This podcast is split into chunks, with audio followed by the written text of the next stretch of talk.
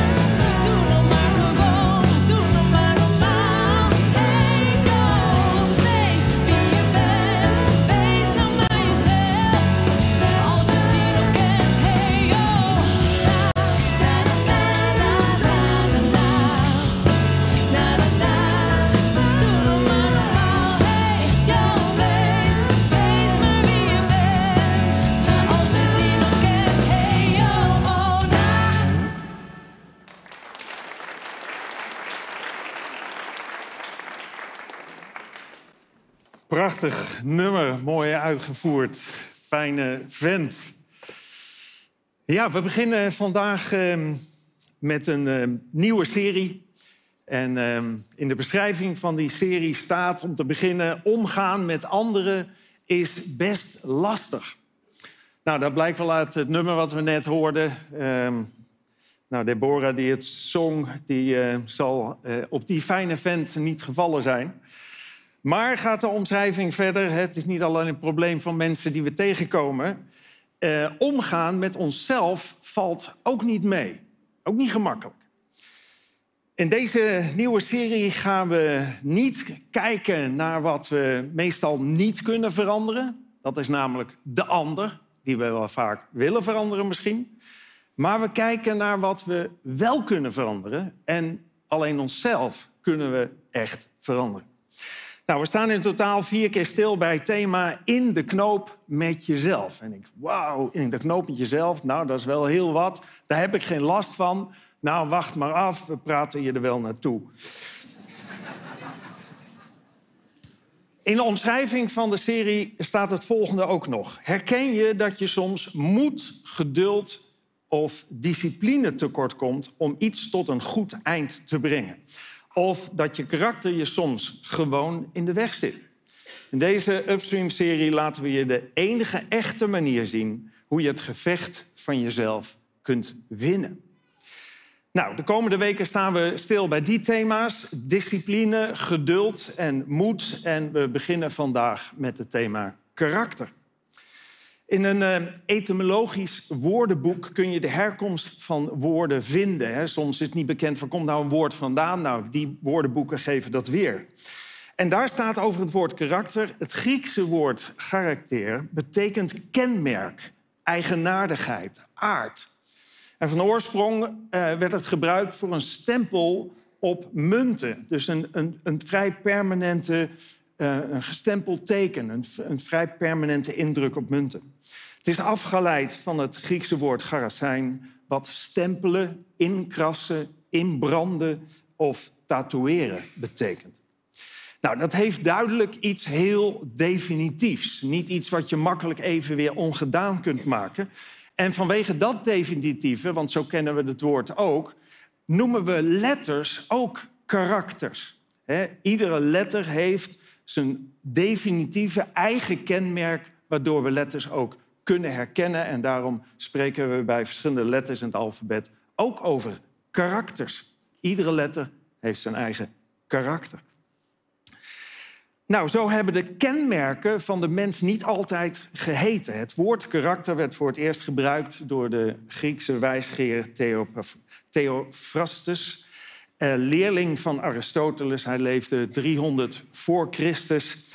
En hij schreef een boekje met de titel Karakters. Hij ging daar voor het eerste keer dat woord verbinden aan eigenschappen van een mens. En ehm, deze Theophrastus zet hierin 30 stereotype negatieve karakterschetsen neer. En geeft eigenlijk met de titel aan de onveranderlijkheid van die negatieve karaktereigenschappen. Nou, vanwege die schijnbare definitieve kenmerken die horen bij karakter, um, en dan met name de negatieve karakter trekken die je misschien hebt, hoor je mensen wel vaak zeggen, als iemand daar iets over zegt, ja, zo ben ik nu eenmaal. Dit, zijn, dit zijn mijn kenmerken, dit hoort bij mij, dit, dit is mijn eigenheid, je moet me maar nemen zoals je bent. Deze negatieve karaktertrekken horen bij mij. Maar de vraag is, is dat de waarheid? Is het zo dat dat onveranderlijk is of is het gemakzucht? Omdat je eigenlijk niet wilt veranderen misschien? Nou, voordat ik daar een antwoord op geef, eerst een andere vraag. Namelijk, hoe kom je aan je karakter? Nou, daar zijn de meningen ook nog een beetje over verdeeld. En grofweg zijn er drie stromingen als het gaat over wat is nou de herkomst van het karakter van de mens. De eerste stroming zegt, daar word je mee geboren. Daar is niets aan te veranderen. Ja, het is heel vervelend als uh, je kind al zo vroeg rebels is En dan kun je vooral nog uitkijken naar wat er in de puberteit gaat komen. Dus daar word je mee geboren. Nature noemen ze dat ook wel. Van nature ben ik zo. De tweede is, daar word je inderdaad mee geboren, maar er is ook sprake van vorming. Dus door je opvoeding en door mensen om je heen word je ook gevormd tot je volwassen bent, tot je karakter ontwikkeld is. En dan is het een combinatie van nature, dus waar je mee geboren bent, natuur, en nurture, opvoeding, vorming. Nou, de derde categorie zegt je wordt blanco geboren. Noemen we wel tabula rasa. Dat betekent een onbeschreven blad. Je wordt helemaal neutraal geboren en alles wat karaktervormend is, wordt later ingebracht.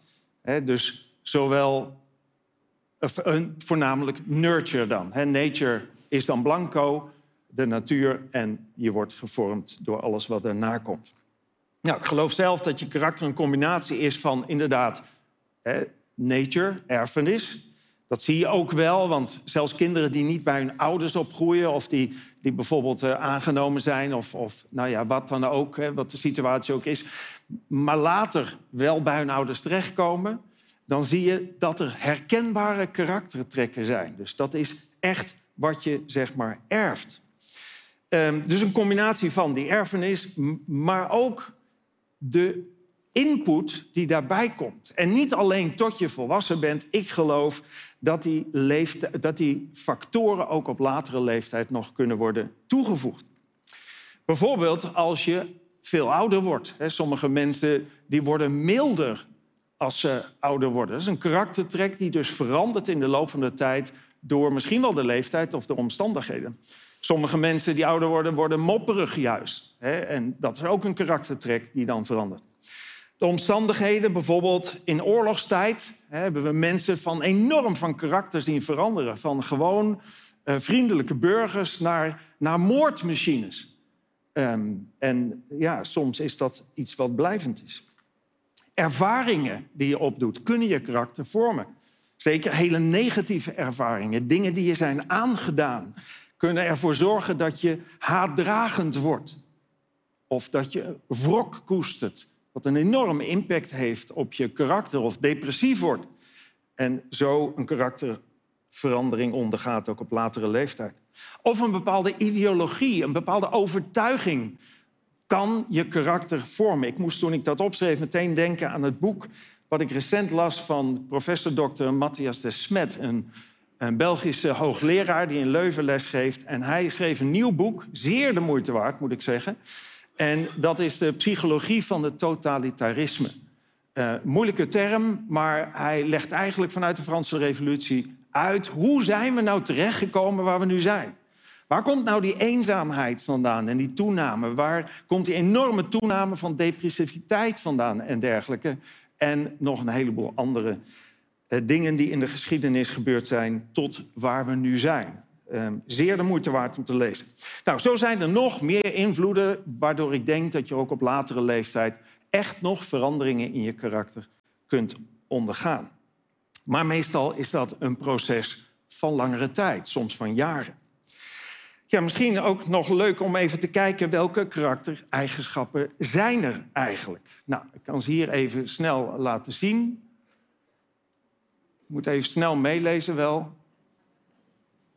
Kijken of je die van jou herkent.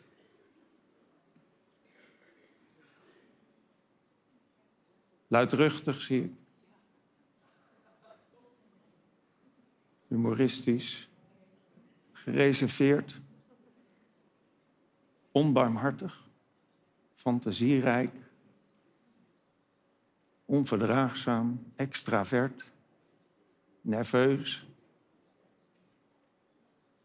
Nou, best een heel lijstje. Ik denk dat je je karaktereigenschap misschien al wel hebt gevonden. Hij komt straks nog even terug.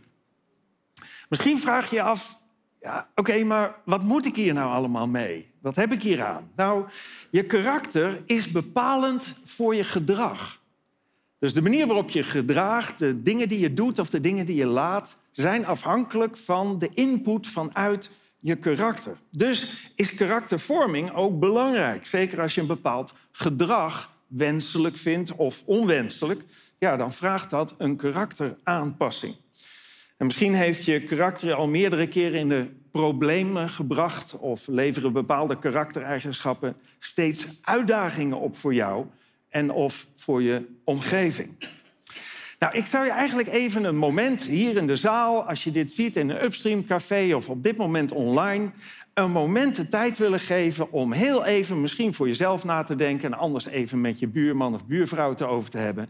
Welke karaktertrek heb jij die je eigenlijk kwijt wilt? Dus niet over de ander zeggen wat jij wilt dat hij of zij kwijtraakt. Hè, dat, die vraag mag je wel stellen. Hè? Welke karaktereigenschap heb ik die je liever niet ziet? Mag je best doen. Maar dan is het een vraag. Welke zou je graag kwijt willen en welke zou je graag willen hebben? Nou, we laten het nog even zien. Ze staan er alweer. Heb er even over staan.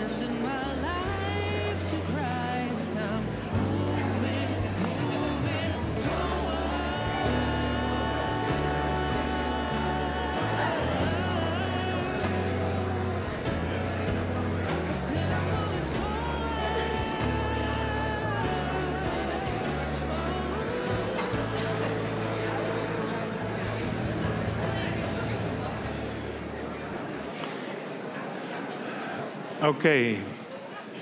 Nou, dit levert in ieder geval eh, genoeg gesprekstof op. Eh, ruzies kun je straks eh, in de foyer bijleggen. We gaan ehm, even verder. Want het is goed om ook eens af en toe daar met elkaar over te praten, het over te hebben. En misschien elkaar ook wel een beetje te stimuleren. Meestal zijn we niet zo bezig met het werken aan ons karakter. En dat is ook vaak omdat we die mening hebben. Dat komt ook een beetje vanuit die psychologie. De mening hebben dat we het karakter niet kunnen veranderen. En toegegeven, veranderen van karakter is ook moeilijk. Hè, karakter betekent inkrassen. Dus dat zit diep. Dat is niet even met een krijtje op een schoolbord wat je even wegveegt. Nee, dit vraagt meer. En nare karaktereigenschappen zeker verander je niet maar zo. Nou, we zijn onderweg naar het eh, nieuwe jaar. Hè, nog een weekje of eh, 7, 8, 9 en dan eh, zitten we weer in het nieuwe jaar. En misschien zou je wel dingen willen veranderen, maar sommige dingen stel je dan nog even uit. Hè. We hebben misschien wel een lijstje ergens of een lijstje in ons hoofd van dingen die we dan nog willen veranderen. De lijst met goede voornemens. Hè, vaak voor het nieuwe jaar. Hè, eerst met kerst gaan we nog even flinker tegenaan. En dan het nieuwe jaar, dan hebben we nieuwe dingen die we doen. Bijvoorbeeld, ik wil graag afvallen. Hè? Nou, eh, na december kan dat wel een eh, goed voornemen zijn. Of ik wil graag stoppen met roken. Of ik wil minder gaan werken. Meer bouwen aan mijn relatie. Vriendelijker zijn. Ik wil meer tijd besteden aan de kinderen. Ik wil graag geduldiger worden. Ik wil positiever in het leven staan. Nou, zo kun je een enorme lijst hebben met goede voornemens. Nou, ik weet niet hoe jouw ervaring is op het gebied met goede voornemens, maar mijn ervaring is dat er meestal niet zoveel van terechtkomt. Het gaat een tijdje goed, een tijdje ben je er serieus op gefocust, maar dan verdwijnt het vaak ook weer. En waarom is dat zo? Waarom verdwijnen die goede voornemens die we ieder jaar of misschien ook wel gedeel, gedurende het jaar ons voornemen? Waarom is dat vaak zo slecht haalbaar? Nou, dat is omdat we aan de verkeerde kant beginnen. Ik zei net al ehm, dat karakter, daar komt gedrag uit voort. En we beginnen met het veranderen van ons gedrag. Maar dat is eigenlijk sturen tegen de automatische piloot. Want ons karakter is bepalend voor ons gedrag. En als daar niks verandert, dan kan je gedrag wel tijdelijk veranderen, maar niet permanent. In de Bijbel staat het zo. Dat moet je niet persoonlijk opvatten, is een voorbeeld. Een schoongewassen zeug wentelt zich opnieuw in de modder. Nou, we snappen wat daar de betekenis van is. Hè? Het is de aard van het beestje om zich in de modder te wentelen. En dan kun je het nog zo schrobben en schoonmaken, maar daar zal het zich niks van aantrekken. De eerste beste modderpoel gaat het weer in. Nou, dat is een beetje wat dit gedeelte in de Bijbel bedoelt te zeggen. Als we niet ons karakter veranderen, als er niet fundamenteel iets in ons verandert, zal ons gedrag niet veranderen. Zullen we zo weer terugveren in oude gewoonten. Nou, Aristoteles, Aristoteles, een Griekse filosoof uit de vierde eeuw voor Christus, schreef: Het karakter van iemand helpt om zijn acties uit het verleden te verklaren en de acties van de toekomst te voorspellen. Nou, dat is geen hart onder de riem als je graag wilt veranderen. Want ja, hij zegt dus eigenlijk, het ligt gewoon vast. Je kunt zien, daar is het door gekomen. Hè, daarom heb je al die dingen gedaan. En zo gaat je leven er in de toekomst uitzien. Hè, dus nou, geen hart onder de riem als je wil veranderen. Wel een steun als je zegt, zo ben ik nu eenmaal. Dan kun je zeggen, ja, Aristoteles die zei het al, eh, het hoort gewoon bij je. Maar vanuit Bijbels perspectief zul je nooit aangespoord worden om te zeggen, zo ben ik nu eenmaal. De Bijbel is niet heel positief over hoe mensen nu eenmaal zijn of kunnen zijn. Er zijn van allerlei Bijbelpassages. Het mensenhart is arglistig. Er zegt plek, staat er een plek in de Bijbel dat de mens is tot weinig goeds geneigd. Of de mens is van nature egoïstisch. Er staan een hoop dingen in de Bijbel die misschien wel een weerslag zijn... die we gewoon herkennen in, in het leven om ons heen... en misschien wel in ons eigen leven ook.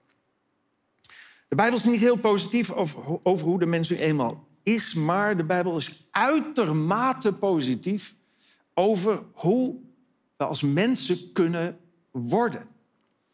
In de Bijbel kom je een heel aantal indrukwekkende karakterveranderingen tegen. Ik noem er één. Paulus. Eh, Ik gebruik hier regelmatig teksten van Paulus. Hij is de auteur van een groot deel van het Nieuwe Testament, het tweede deel van de Bijbel, alles wat kwam nadat Jezus op aarde had geleefd. Hij is stichter van een heel aantal kerken en daar heeft hij heel wat voor moeten lijden om, dat, om die kerken ook te stichten en die kerken ook te blijven aanmoedigen om een goede weg te volgen. Hij schrijft heel veel over liefde, over verdraagzaamheid, over vergeving en over van allerlei andere mooie karaktereigenschappen die volgens hem nastrevenswaardig zijn. Die belangrijk zijn om te zoeken. Omdat ze volgens hem bijdragen aan ons geluk en aan het geluk van de mensen om ons heen. Maar zo is hij niet altijd geweest. Er staat over, in eh, over hem in de Bijbel dit. Saulus, hè, dat was de naam, hij heeft een naamsverandering ondergaan naar Paulus. Saulus deed zijn uiterste best de volgelingen van Jezus wat hij later zelf werd, uit te roeien. Hij drong niets en niemand ontziend.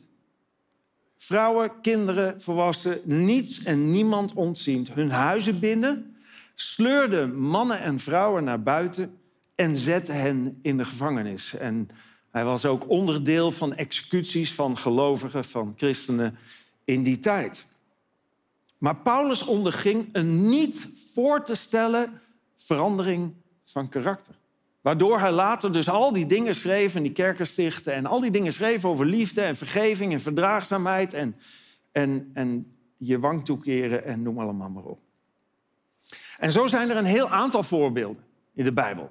Denk aan Jozef, je kunt denken aan Mozes, aan, aan Abraham, aan Jacob, aan Esau, noem allemaal maar op. Allemaal voorbeelden van mensen die grote veranderingen ondergingen. Maar er zijn ook soortgelijke voorbeelden te noemen van mensen uit deze tijd. Een, wat langer geleden, een Nicky Cruz, die heeft daar heel veel over uitgedragen ook. Nou, je zou als je deze vriendelijk lachende man ziet, niet verwachten dat hij een grote drugscrimineel was, een bendeleider in New York. En heel wat mensen van het leven heeft beroofd en het leven heeft zuur gemaakt. Hij veranderde totaal. En ook de voormalig Nederlands drugscrimineel en kickbokskampioen Joop Godmers, die hier op het podium zijn verhaal wel eens heeft verteld, is daar een voorbeeld van. Een enorme omslag van drugscrimineel, een harde kerel die eh, genadeloos was naar de persoon, de warme persoonlijkheid die hij nu is. Het EO-programma De Verandering vertelt honderden verhalen. Of daarin vertellen mensen, honderden, honderden mensen verhalen over hun wijziging. En ook ik zelf heb grote veranderingen, veranderingen plaats zien vinden in de levens van mensen. In gezinnen, in huwelijken, die totaal veranderden. Totale karakterwijzigingen die daaraan ten grondslag lag. En wat hebben al deze mensen gemeen? Wat was nou de oorzaak van hun grote transformatie, van die grote verandering? Nou, ze kwamen allemaal bewust tot geloof en tot toepassing van datgene wat er in de Bijbel naar voren komt. En door hun geloof, door die toepassing, werden ze opnieuw met God verbonden. Raakte die connectie die kapot was gegaan, juist door het gedrag. En de Bijbel zegt dat we dat gedrag tot op zekere hoogte allemaal vertonen. Maar raakte die connectie weer heel. En ging er eigenlijk een hele andere stroom, een stroom van liefde bij mensen binnenkomen, waardoor karakters veranderden. En die ervaring ken ik ook zelf. Ik kwam in Turkije tot geloof, lang verhaal, ga ik nu niet vertellen. En Ellen, mijn vrouw, schreef daarover aan een goede vriendin toen ik terugkwam en tot geloof was gekomen. Ik heb een andere man teruggekregen dan de man die drie weken geleden naar Turkije is vertrokken. Een enorme verandering die ik had ondergaan door de keuze die ik daar had gemaakt. Om niet langer voor mezelf te leven, maar om God in mijn leven toe te laten. En het offer dat Jezus bracht voor mijn zonde en mijn fouten te aanvaarden en vanuit Hem te willen leven. Er kwam geen volmaakte man terug, maar wel een veranderd mens met een diep verlangen, wat ik nog steeds heb, om nog meer te veranderen en nog meer te gaan lijken op Jezus, wat voor mij daarin het voorbeeld is. Mijn denken was veranderd en dat had meteen effect op mijn karakter en dat heeft het nog steeds. En gelukkig maar, want het project is nog niet afgerond. Ik wil meer op Jezus lijken, maar ik ben nog niet zo ver. Waarschijnlijk kom ik ook niet zo ver. Maar het verlangen is er wel. En dan is er ook mogelijkheid om te groeien. Paulus zei tegen mensen die tot geloof gekomen waren dit. Jullie moeten niet meer op dezelfde manier leven als toen jullie niet gelovig waren, ongelovig waren. Maar leef als nieuwe mensen, als vernieuwde mensen. Doordat jullie op een nieuwe manier gaan denken, namelijk op Gods manier. Vanuit Zijn manier van denken, vanuit de liefde die God is, je denken laten beïnvloeden. En die nieuwe manier van denken, die ontstaat dus ook door die connectie. En daardoor verandert je karakter en daardoor verandert dus ook je gedrag. Paulus die zegt het zo, dan zullen jullie ook anders gaan leven. dan zullen jullie weten wat Gods wil is. En alles wat Hij wil is goed, mooi en volmaakt. Natuurlijk kun je ook veranderen, duidelijk wezen, kun je ook veranderen als je niet gelovig bent. Maar dan is de vraag, naar welke, op welke manier ga je veranderen en waar vind je de kracht om die veranderingen ook door te zetten? Welke karaktertrek is dan wenselijk uit het hele palet wat er is? Is assertief dan beter dan meegaand? Word je daar gelukkiger van? Alle assertiviteitstrainingen die we aangeboden krijgen, is dat een weg naar geluk en naar geluk voor je omgeving? Is geëmancipeerd beter dan onderdanig? Is egoïstisch beter dan altruïstisch? Vanuit de evolutiegedachte zeker. Want het is de, de, de, de sterkste wind. Maar word je er ook gelukkiger van? Door egoïstisch te zijn en alleen maar op jezelf gericht te zijn? Of word je er gelukkiger van door altruïstisch te zijn, op de ander gericht? Is wraak beter dan vergeving als karaktereigenschap? Ik geloof persoonlijk dat God het beste weet en ook alleen als beste weet welke karaktereigenschappen het beste zijn. En waar je echt gelukkig van wordt. En wat ook in de toekomst perspectief geeft op een eeuwig leven. Op een volmaakt karakter. Zoals God de mens ook heeft bedoeld. En dat zijn meestal niet de karaktereigenschappen die God aanreikt, die ons over het algemeen worden ingefluisterd. Ik geloof dat er meer is dan alleen God als autoriteit. Ik geloof dat God de enige God is en de enige volmaakte autoriteit. Maar er is ook nog een macht die tegen hem werkt. De tegenstander. De duivel die ons probeert juist die karaktereigenschappen aan te praten. En dat gedrag aan te praten waar je niet gelukkig van wordt, ten diepste.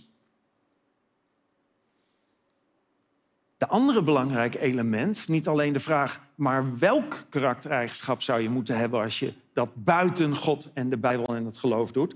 Maar er is nog een belangrijk element, want vanuit de verbondenheid met God ontvang je ook de kracht om die karaktereigenschap ook waar te maken. Gods geest, en Gods geest is de betekenis van de relatie, de connectie tussen, tussen God en, en de mens. Gods geest werkt als het ware als navigatie en als stuurbekrachtiging. God wijst je de juiste weg.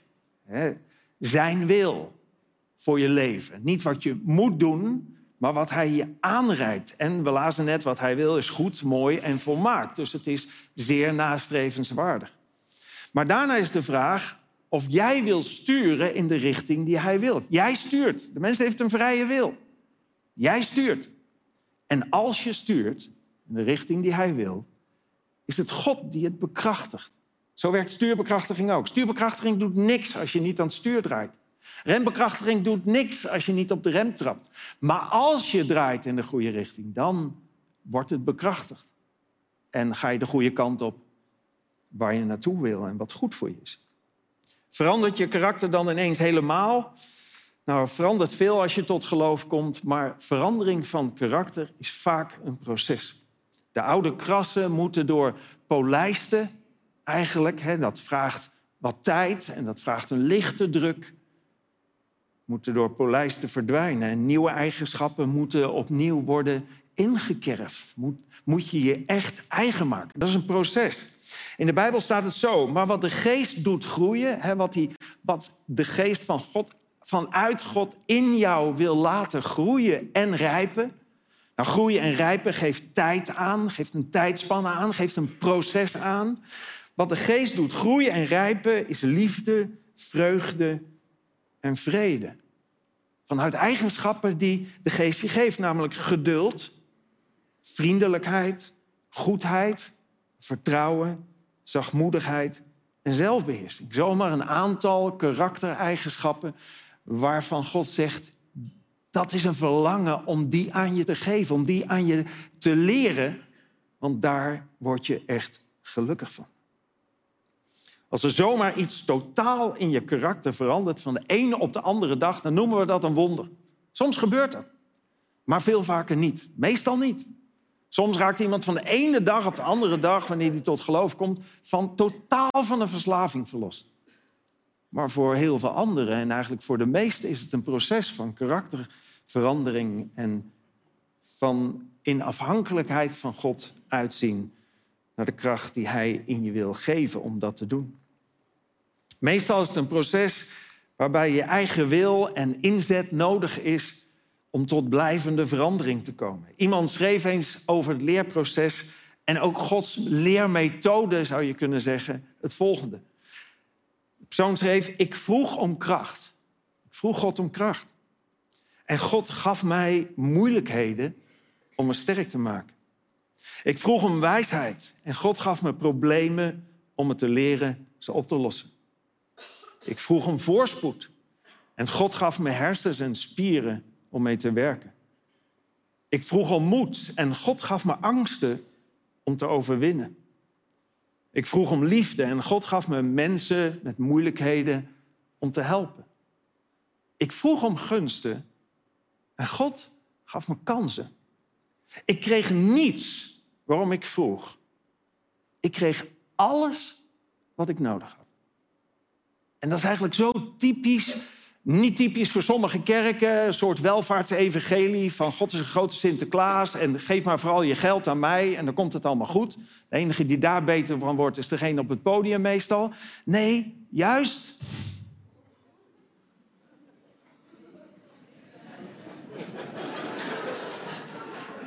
Zei, zei ik iets verkeerds?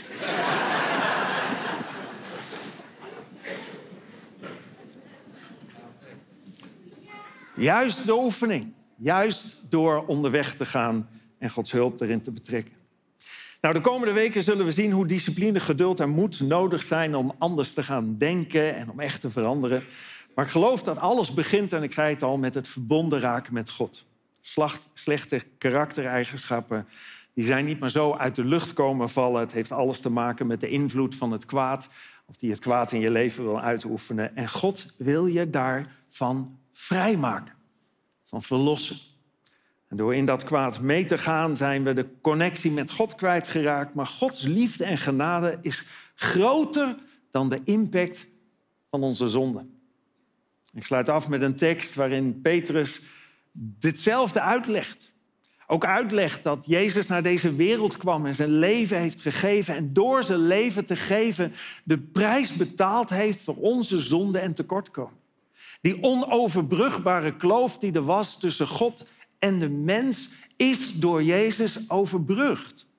Waardoor wij als mensen weer toegang hebben tot God. En ook alleen via Hem. Vandaar dat Jezus zegt, ik ben de weg, de waarheid en het leven. Niemand komt tot de Vader dan door mij. Ik heb daarvoor de prijs betaald. Ik heb voor jou, en voor jou als je dit online kijkt, en voor jou als je dit in een Upstream Café kijkt. Ik heb de prijs voor jou betaald. Ik hou van je. Ik heb het verlangen zo om je mijn liefde te geven en de kracht om een mooier mens te worden en meer op mij te gaan lijken. En Petrus legde het uit aan zijn toehoorders en zij zeiden op een gegeven moment tegen hem, maar wat moeten we dan doen? Wat is er nodig om, om, om, dat, om dat te krijgen? En in tegenstelling tot alle geloven die er op de wereld zijn en die allemaal zeggen, je moet dit doen en je moet dit doen en je moet dit doen. En als je dat allemaal doet, dan kun je het misschien verdienen. Geheel in tegenstelling, hij zegt, verander je leven, maar vooral door dit. Geloof in Jezus. Het nieuwe leven wat God je wil geven is genade. En genade betekent onverdiende gunst. We hebben er geen recht op. Het is iets wat God ons zo graag geeft. Geloof in Jezus. En laat je allemaal dopen in de naam van Jezus. Het, het, is een symbool van reiniging, van afwassing, maar ook een symbool van sterven aan je oude leven en opstaan in je nieuwe leven. Daar staat het dopen voor in de naam van Jezus Christus. Dan zullen jullie vergeving krijgen voor jullie ongehoorzaamheid aan God. En dan zullen jullie de Heilige Geest ontvangen. Dan zal die connectie tot stand komen waarvanuit je zijn wil mag leren kennen en waarvanuit je zijn kracht krijgt om te veranderen. En niet alleen een verandering hier en nu, maar ook toegang krijgt tot het leven over de grens van de dood, waar het zal zijn zoals God het heeft bedoeld. Ik wil heel graag afsluiten met gebed en ja, je kunt dit voor je uitschuiven. Vervolgend volgend vers staat dat 3000 mensen in die tijd de keuze maakten en zeiden: Ik wil Jezus volgen. Ik, ik realiseer me dat ik een zondaar ben, dat ik zijn vergeving nodig heb. Ik verlang naar die verandering, ik verlang naar die fantastische toekomst met Hem. En ik wil mijn leven geven. En ik zou zeggen, stel niet uit tot morgen wat je vandaag kunt doen. En ik wil die gelegenheid ook straks geven tijdens het gebed. Wil ik je uitnodigen om misschien wel voor het eerst in je leven die keuze te maken. En dat wil ik je eigenlijk de gelegenheid bieden door je te vragen om duidelijk, hè, terwijl iedereen zijn ogen gesloten houdt straks tijdens het gebed, om duidelijk op dat moment je ogen open te doen, contact te maken en duidelijk je hand op te steken. En ik zal het beantwoorden met: Ik heb je hand gezien. Niet voor mij, voor jou. Want zo vaak horen we terug dat mensen zeggen: Ik heb daar die keuze gemaakt. Toen stak ik mijn hand op. En ook als je in een upstream café zit, ook als je dit, dit thuis bekijkt, doe iets waardoor het zichtbaar is, waardoor het duidelijk is voor jezelf. Ik maak vandaag de keuze om Jezus te volgen. Vanuit het verlangen om nieuw leven te ontvangen en Hem te volgen en gehoorzaam te zijn. Laten we samen bidden. Ja, God, ik wil u zo danken. Ik wil u danken dat, dat het zo uw verlangen is om in ons leven aanwezig te zijn. Heer, en dat u zich niet teruggetrokken heeft toen wij ons terugtrokken. Toen wij een hele andere kant op gingen, maar dat u zegt, ik hou van je nog steeds. Ik hou niet van de dingen die je allemaal doet misschien, maar ik hou wel van jou, want je bent mijn kind. En ik verlang er zo naar om in een relatie met je te zijn. Dank u wel, Heere God, dat u uw zoon, de Heere Jezus, heeft gestuurd. Dank u wel, Heere Jezus, dat u tot aan de dood trouw bent gebleven. En uw leven heeft geofferd. Voor ons allemaal. Voor onze zonde. En daardoor kunt zeggen, kom bij mij. Alle die vermoeid en belast zijn. En ik zal je rust geven. Ik zal je geven waar je ten diepste naar verlangt. Ja, God en u kent ons allemaal, zoals we hier zitten in de zaal. Zoals we dit misschien online volgen, zoals we dit zien op tv, zoals we dit beleven in een upstream café. Heer, ik wil u bidden, raak ons hart aan zoals u dat alleen kunt. Heer, en geef ons de moed om die keuze te maken en ervoor te gaan. Heer, ik wil u danken dat u ook vandaag die gelegenheid biedt. Ik wil u allemaal, zoals je hier zit, vragen om nog een moment je ogen gesloten te houden. Als jij je aangesproken voelt om die keuze te maken, wil ik je nu vragen om dat zichtbaar te maken door duidelijk je hand op te steken en even oogcontact te maken. Dankjewel, ik heb je hand gezien daar. Dankjewel achterin, ik heb je hand gezien. Ik heb je hand gezien. Ik heb je hand gezien. Ik heb je hand gezien daar ook achterin. Ik heb ook je hand gezien. Dankjewel, ik heb ook je hand gezien. Dankjewel. Dankjewel, achterin twee. Ik heb ook jullie hand gezien.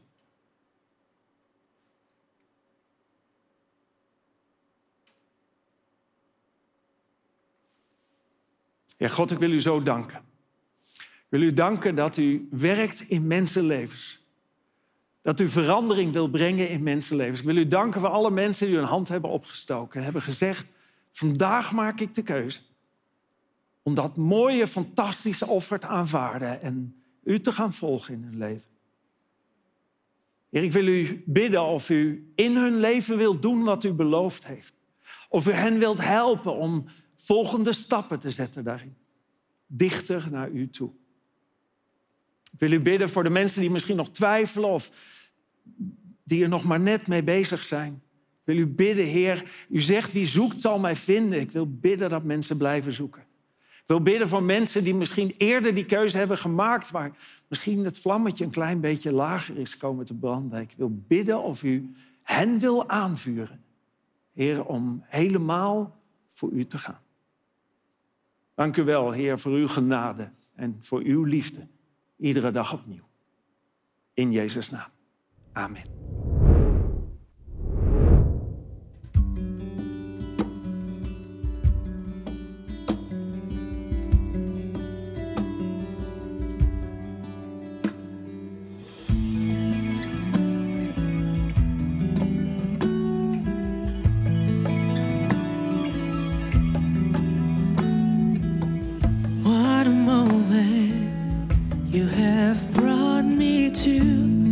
you free.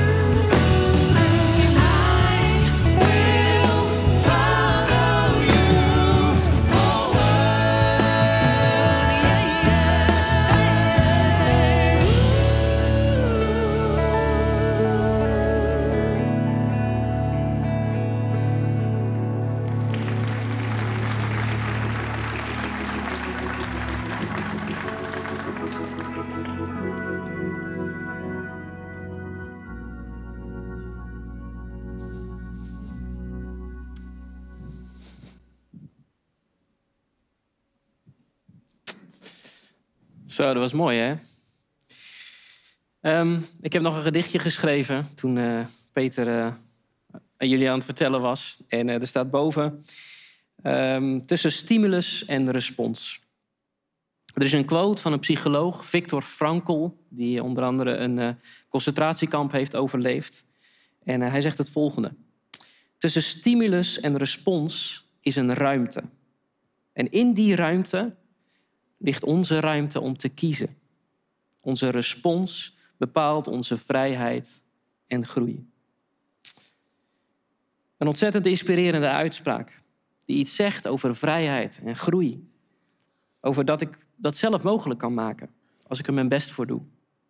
Dat er altijd even een moment is dat ik een keuze kan maken tussen goed of kwaad. Dat ik kan kiezen of ik tegen iets inga of dat het beter is dat ik het even loslaat. Ik dacht, daar ga ik mee aan de slag. Voordat ik reageer, even zwijgen. Zodat ik een moment na kan denken. En niet weer iets doe waar ik later spijt van kan krijgen. Dus heb ik het een tijdje geprobeerd en volgde deze wijze raad. Maar telkens als ik me in wilde houden, was ik al te laat. Want de gloed- vloedgolf binnenin mij was al bijna bij het strand. Steeds weer stak mijn tong toch weer iets in de brand. Die pauze tussen actie en reactie klinkt heel erg mooi. Maar ik kan de tijger niet meer tegenhouden, die al loert op zijn prooi. En eigenlijk, als ik eerlijk ben, ben ik ergens bezeten. Door iets wat dingen voor mij bepaalt, voordat ik het kan weten. Vanuit de diepte van mijn onbewustzijn komt soms een duistere kracht. Iets wat mij over het randje duwt, ook al verzet ik me met alle macht. En voordat ik er iets tegen kan doen, grijpt datgene me bij de strot. En voordat ik het weet, maak ik met woorden of daden weer iets kapot.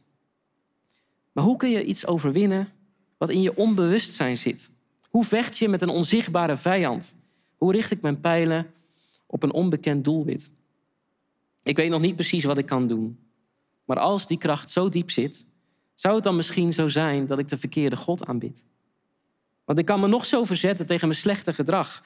Maar als het moment daar is, doe ik weer iets wat ik van mezelf niet mag. Dus geloof ik nu dat er meer nodig is, dat ik dieper moet beginnen. Een reflectie op de mens en de goden die hij kan beminnen. Niet op het niveau van de hersenen, maar op het niveau van de geest. Iets wat niet is, ontstaan, is ontstaan in mij, maar wat er altijd is geweest. Dus hoewel ik zal blijven kiezen, in die ruimte tussen actie en reactie, moet er ook iets dieps veranderen. In de wereld die ik niet kan zien. Niet langer me laten leiden door een geest die ik zelf niet heb gekozen.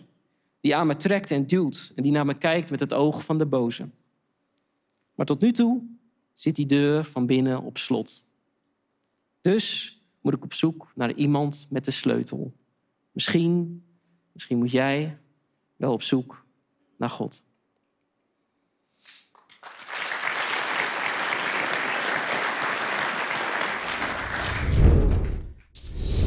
Ja, dan zijn we alweer bijna aan het einde gekomen van deze stream. We gaan zo nog luisteren naar één prachtig nummer. Eh, maar ik wil nog een paar dingen tegen je zeggen. Het eerste is dat je misschien verder wil praten over alles wat er voorbij is gekomen. Dat kan. Er zijn verschillende mogelijkheden via onze website. Tegelijkertijd zit er misschien wel een upstream café bij jou in de buurt. En dat is een plek waar je samen met andere mensen ja, deze video's kan bekijken en daar ook over door kunt praten. En tenslotte zijn er nog veel meer video's op onze website, dus neem gerust een kijkje. Voor nu, tot ziens bij Upstream.